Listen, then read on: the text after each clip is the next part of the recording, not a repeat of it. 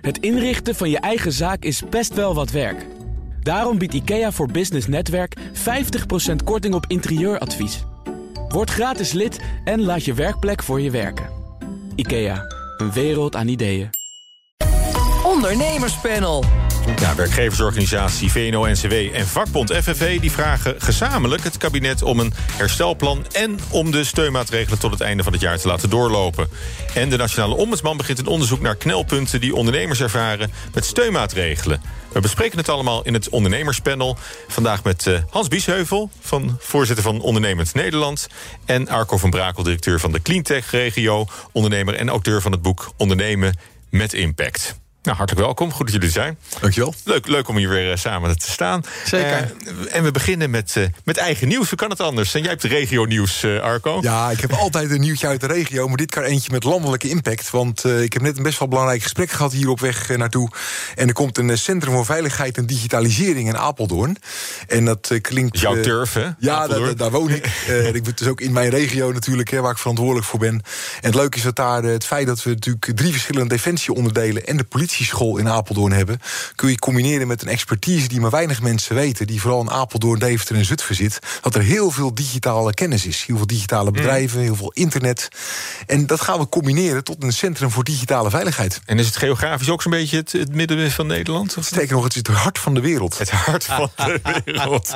nou, je, je, stelt weer niet teleur, Arco, met, met dit nieuwtje. Uh, Hans, jij dan ook? Uh, wat, wat ja, is jouw nieuws? Nou ja, mijn nieuws is minder positief helaas hoor. We hebben net uh, een enquête gedaan deze week. Na dinsdag, na de persconferentie. Uh, bij ondernemers, ja, ga je door of wil je stoppen? En uh, ja, 17% van de ondernemers zegt ik stop. Want ik zie het niet meer zitten om open te gaan zo meteen. Ik heb geen geld om open te gaan. Ik kan de koelkast niet meer vullen. Geen voorraden aanvullen. Ik heb te veel schulden. En het zijn vooral heel veel ondernemers in de horeca met name. En in de evenementensector. Die zeggen, ja, ik zie het echt niet meer zitten. En vind ik toch een heel hoog percentage. Ja. Die, staan, die staan met de rug tegen de muur. Het is, ja. het is niet helemaal nieuw natuurlijk. We weten dat ze grote problemen hebben. Maar nieuw is dus wel dat 17% overweegt om de handdoek in de ring te gooien. En, ja, dat, en dat, is wel hoog. Ja, en met name er, geen, er staat geen geld meer op de rekening. Dus dan kan wel zeggen, het café gaat open. Maar als je de koelkast niet kan vullen, ja, dan wordt het lastig. Ja. Het is lastig. Nou, we gaan door met, uh, met het andere nieuws. Uh, de open brief hè, van VNO-NCW en vakbond FNV. Daar hebben we het al een paar dagen over. Want hoe vaak zie je nou dat werkgevers en werknemers... zo de handen ineens slaan, samen een brief sturen naar het kabinet... waarin ze onder andere pleiten voor het laten doorlopen van de steunmaatregelen... tot minstens het einde van dit jaar en een herstelplan voor het einde van de coronacrisis. Hans, ik heb het idee dat jij het daar wel mee eens bent... want je hebt zelf ook al eens zo'n pleidooi gehouden. Ik had eigenlijk verwacht dat op 18 maart, een dag na de verkiezingen, men zou starten met dat herstelplan. Nou, daar is nog geen eens een begin van. Ja, en dat vind ik uh, ja, echt een klap in het gezicht voor heel ja. veel ondernemers. En daarom heb ik ook die brief gestuurd.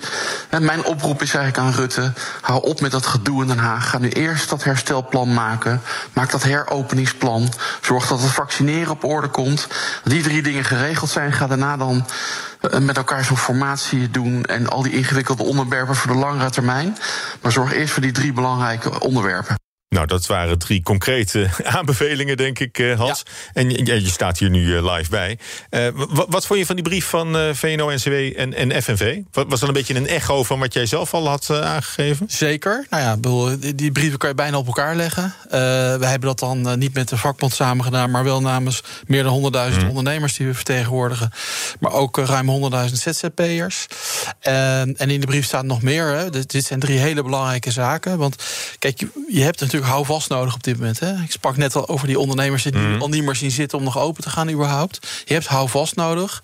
Nou, die houvast komt nu niet uh, van zeg maar het kabinet, van alle, alle andere dingen die ze doen. Hè? We hebben Arco en ik van tevoren al vandaag al even over gehad.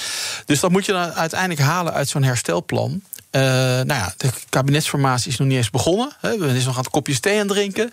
Dus wij zeggen, ga die tijd nou zorgvuldig besteden. Maak het herstelplan. Wij hebben daar een heleboel ingrediënten mm. voor op tafel gelegd. Want ik heb, naar aanleiding van, van die brief die ik heb gestuurd... natuurlijk ook met minister Hoekstra contact gehad... en Bas van het Woud en ook premier Rutte. En eigenlijk zeggen ze allemaal, je hebt volkomen gelijk.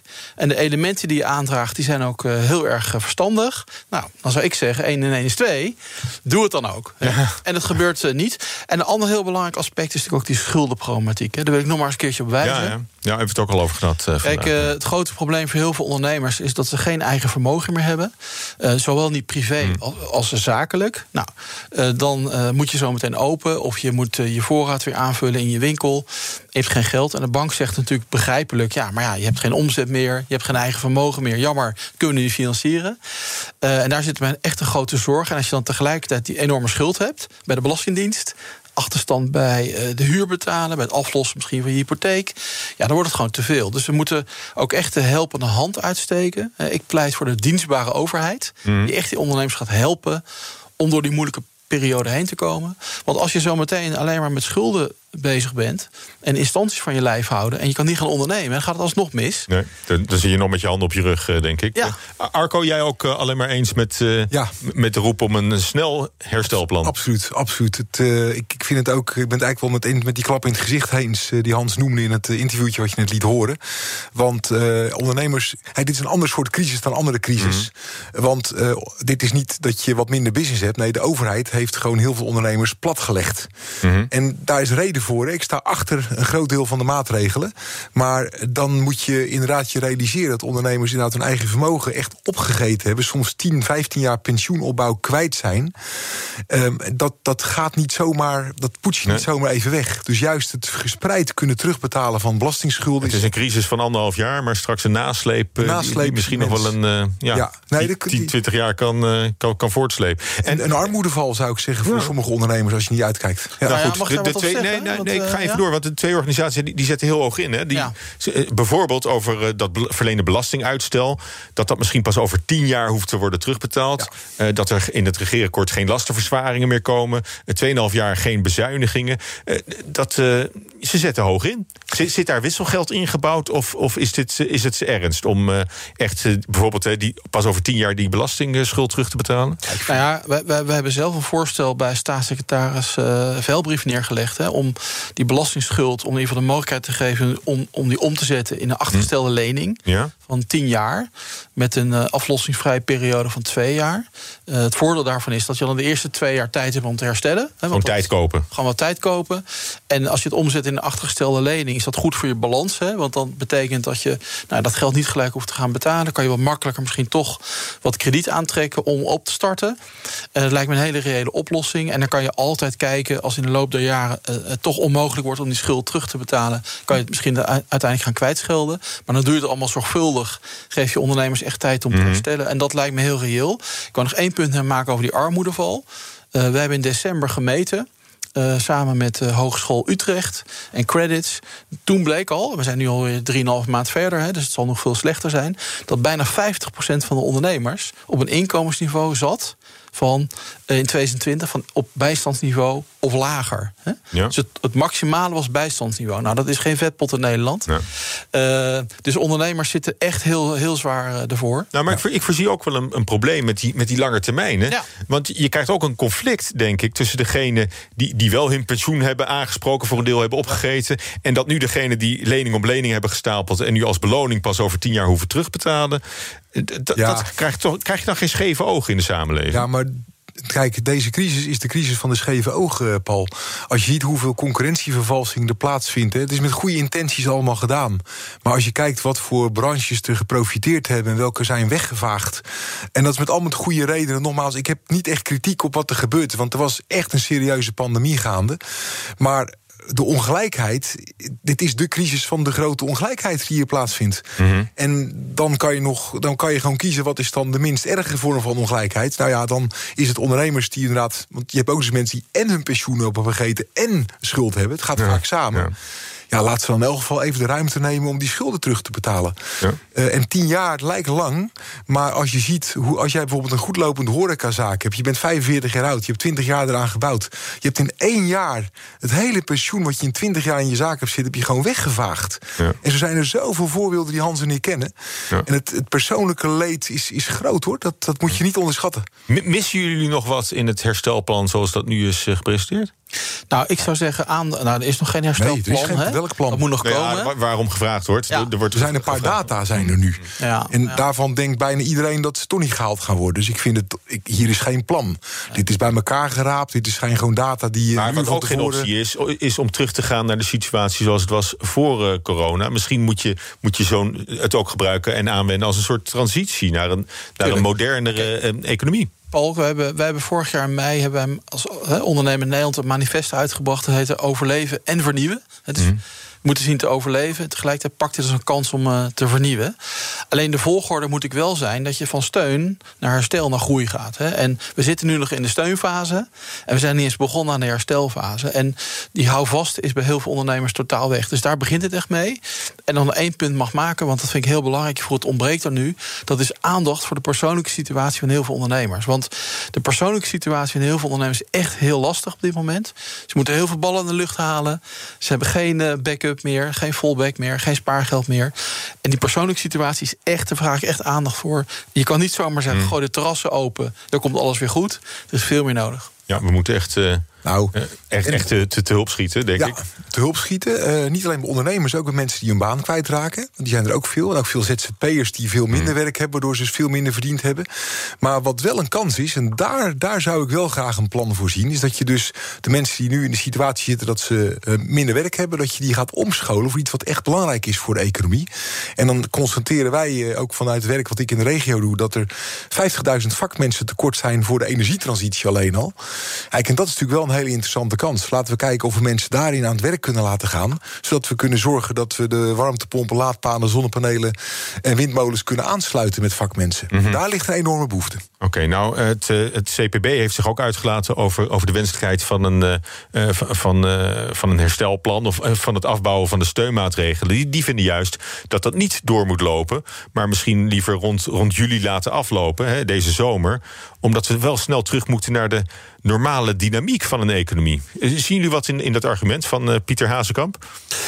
Nou, eigenlijk niet. Kijk, weet je, hij, eh, ik ken hem. Hij komt van financiën. Hè, die let natuurlijk erg Ah. op de portemonnee.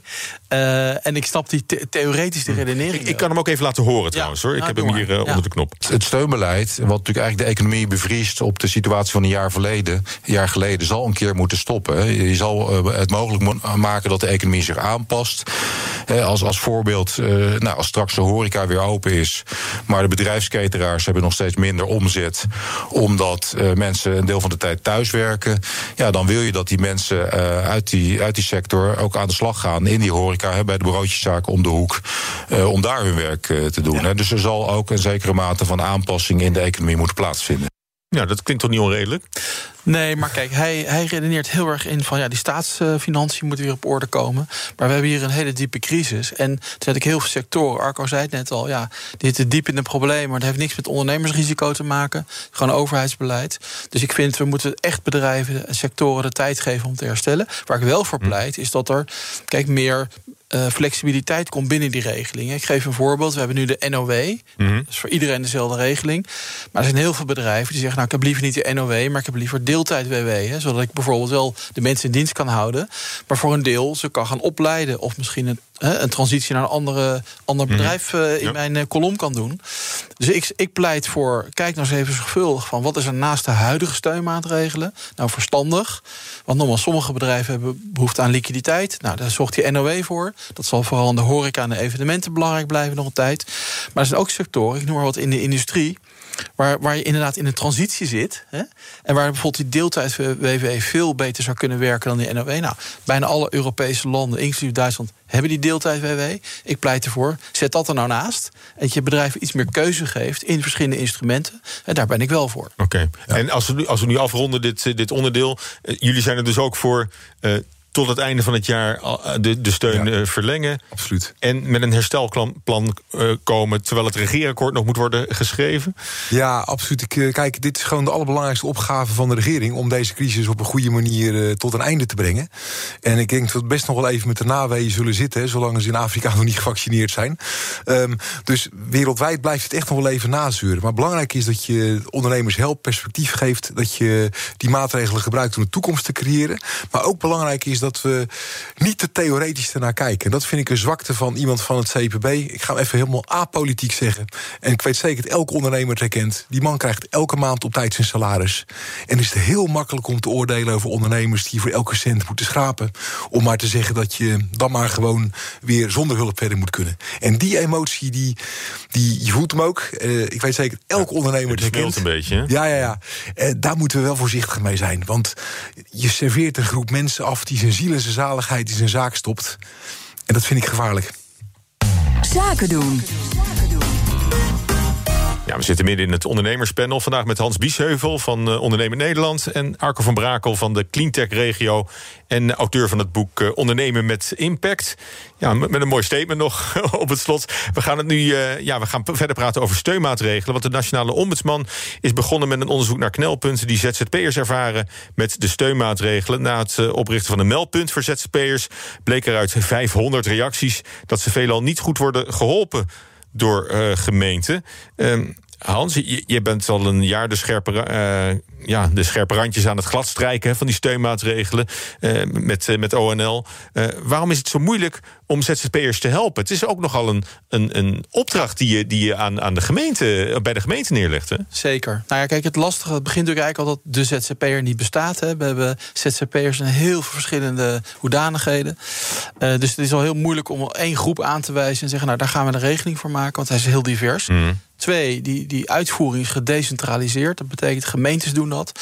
En we hebben gemerkt, hè, we zitten met ONL uh, samen met FNV en ZZP Nederland in de TOZO klankbordgroep. Dat betekent dat we elke week op het ministerie van Sociale Zaken met de ambtenaren, maar ook met UWV, VNG mm. kijken van hey, hoe loopt het? Je merkt gewoon, ja, niet elke gemeente is er, was er klaar voor, heeft mm. een organisatie op, op poten. Uh, er wordt naar de invulling op verschillende gemeentes heel anders gekeken. Dus er zitten heel, heel, veel verschillen in, in de uitvoering ook. Maar goed, ja, het, het, het klinkt ook een beetje ontmoedigd. Hè? Je wordt ja. er een beetje moedeloos van als ja. ik jou dan hoor zeggen... ik zit in een, in een Tozo klankgroep, uh, bord, klankbordgroep... Met, uh, met ondernemers en overheid. En er zijn allemaal partijen en iedereen moet er wat over zeggen. Hoe, hoe, zou je nou naar wat meer uh, daadkracht en, en, tempo kunnen komen... Om, om, die dingen wel te verbeteren? Er zijn wat mogelijkheden voor, hoor. Ik denk dat je veel meer gebruik zou kunnen maken van de lokale kennis. Dat is ook een pleidooi wat ik hier mm. graag wil houden. Ik heb dat even goed voorbereid ook. Want uh, uh, bij gemeentes... Want dan kun je wel maatwerk leveren, ja, absoluut, want die kennen hun pappenheimers. er zijn gewoon ondernemers die om heel veel redenen... het zijn vaak ZZP'ers buiten de boot vallen. Omdat ze het verkeerde Kamer van Koophandelnummer hebben... omdat ze net van een, een VOF een eenmanszaak zijn geworden. Weet ik wat. Er zijn allerlei redenen waarom mensen geen hulp krijgen. Um, en um, sommigen kunnen ook niet aantonen hoeveel ze verdiend hebben in 2019 mm. of 2020, waardoor je buiten de boot valt, omdat je bijvoorbeeld ziek bent geweest. Dat zijn veel ZZP'ers, maar ook andere ondernemers. En doordat er uh, een one-size-fits-all manier van hulp is, uh, vallen mensen dus buiten de boot. Dus maatwerk, wat je veel makkelijker lokaal kunt organiseren dan nationaal, is gewoon nodig. En ik zou willen zeggen dat uh, ik zou het kabinet op het hart willen drukken om dat vertrouwen te geven aan de lokale ja. mensen die dat ja. kunnen doen. Uh, je, je, je, moet je zegt het nu hier op de zender, maar, maar zijn jullie in, in gesprek met, uh, met Den Haag? Om het zo maar te noemen. Nou ja, maar ik zeker. Voor, voor, voortdurend gesprek. Ja, jij jij zit in al die, al die klankgroepen natuurlijk. Nou ja, we zitten, nou ja, ik dan niet persoonlijk, maar mijn collega's. Maar goed, maar we zitten ook bijvoorbeeld, we zijn nu met de TONK bezig. En met nieuwe regeling. Daar heeft de ombudsman ook over gesproken. Nou, de TONK is dan weer een nieuwe afkorting. Ja, je wordt er gek van al die afkortingen. Maar goed, dat is dan weer inkomens, een nieuwe vorm van inkomensondersteuning. Maar ja, ook daar loopt de uitvoering echt uh, niet goed. Er zijn gemeenten voeren het helemaal niet uit, want ze hebben geen capaciteit. Er zijn erbij die stellen hele andere eisen dan de, dan de buurgemeente. Ja, dat levert een rechtsongelijkheid op die ik echt onacceptabel vind, eerlijk gezegd. En uh, kijk, ik ben het helemaal met Arco eens. Kijk, je moet ook in de geest durven handelen. Kijk, ik kom ondernemers tegen, die hebben dan inderdaad net de verkeerde SBI-code. Of die zijn, hebben zes maanden in een ziekenhuisbed gelegen in 2019. En dan klopt de referentieomzet niet. En dus krijg je geen steun. Terwijl volgens de, de geest van de regeling heb je er, heb je er volledig recht op. Maar al dat soort dingen leidt tot stress en, en, en onrechtvaardigheidsgevoel bij heel veel ondernemers. Nou, niet alleen gevoel, uh, ik denk ook tot onrechtvaardigheid. Nou ja, ja precies. Ja. Nou, zoals mijn, mijn voorzitter, is de burgemeester van Lochem, Sebastiaan van Erven, een hele ondernemende burgemeester, die zei op een gegeven moment: het is het verschil tussen rechtvaardig en rechtmatig. En misschien dat bij de wet wel klopt, en die, ma die maatregelen zijn goed. Hè? Bedoel, ja, de letter en de geest, hè, dat precies, is juist, juist. En juist, juist voor ondernemers knelt dat al. Precies, al, denk ik. precies. Ik, uh, we, we, gaan nog, we hebben nog twee minuutjes voor uh, de testsamenleving. Hè. Daar, daar gaat een miljard euro in.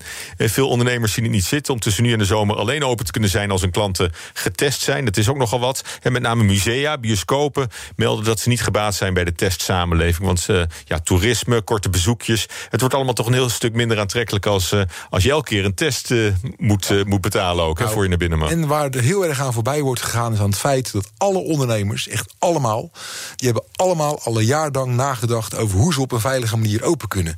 Die protocollen liggen klaar, de, de, de zaakinrichtingen liggen klaar. De, ze weten het precies. Ze willen zo graag open dat ze ook echt wel gewoon goed op zullen letten. Daar, daar heb je geen test meer bij nodig. Um, ik zal niet zeggen dat er helemaal geen testen meer zijn, maar we zijn aan het vaccineren. Dat zou wat mm. sneller kunnen, denk ik. Dat is een heel interessant field lab trouwens. We gaan een heel groot vaccinatie-event houden. Heb je, heb je, ben je al eens bij geweest bij zo'n field lab? Uh, nee, nog niet. Evenement? Nee, nee, nee, Hans ook niet? Nee. Nee, nee, ik ben te druk met lobbyen daarna. ja, druk ja. helemaal geen tijd voor. Nee, maar het is heel simpel. De ondernemers zijn er meer klaar voor dan we denken. En daar wordt een beetje aan voorbij gegaan. Dat is gewoon heel jammer, want het kan, er kan veel meer dan nu gebeurt. Ja, maar je ziet een beetje twee strijd ontstaan dan in de samenleving. Hè? De ene helft die zegt van uh, anderhalve meter economie, dat, dat, is eigenlijk prima. En al die andere maatregelen. En, en daar tegenover staat van nee, we moeten doen naar een testeconomie. Ja, maar goed, kijk, weet je, de, wat, de meeste ondernemers hebben zich inmiddels heel goed voorbereid op die anderhalve meter. En die kunnen prima met de maatregelen vooruit. Ja, die testsamenleving klinkt heel leuk, maar het is ook ontzettend duur en bewerkelijk. En dat kan gewoon niet uit. Dus uh, ik zou zeggen, gewoon volle, volle kracht vooruit vaccineren. Ja. En geef ondernemers vertrouwen om zorgvuldig met die situatie om te gaan van die anderhalve meter. Dat ja. is het. En, en. En die, miljard euro die Den Haag hier vooruit uh, trekt, hè?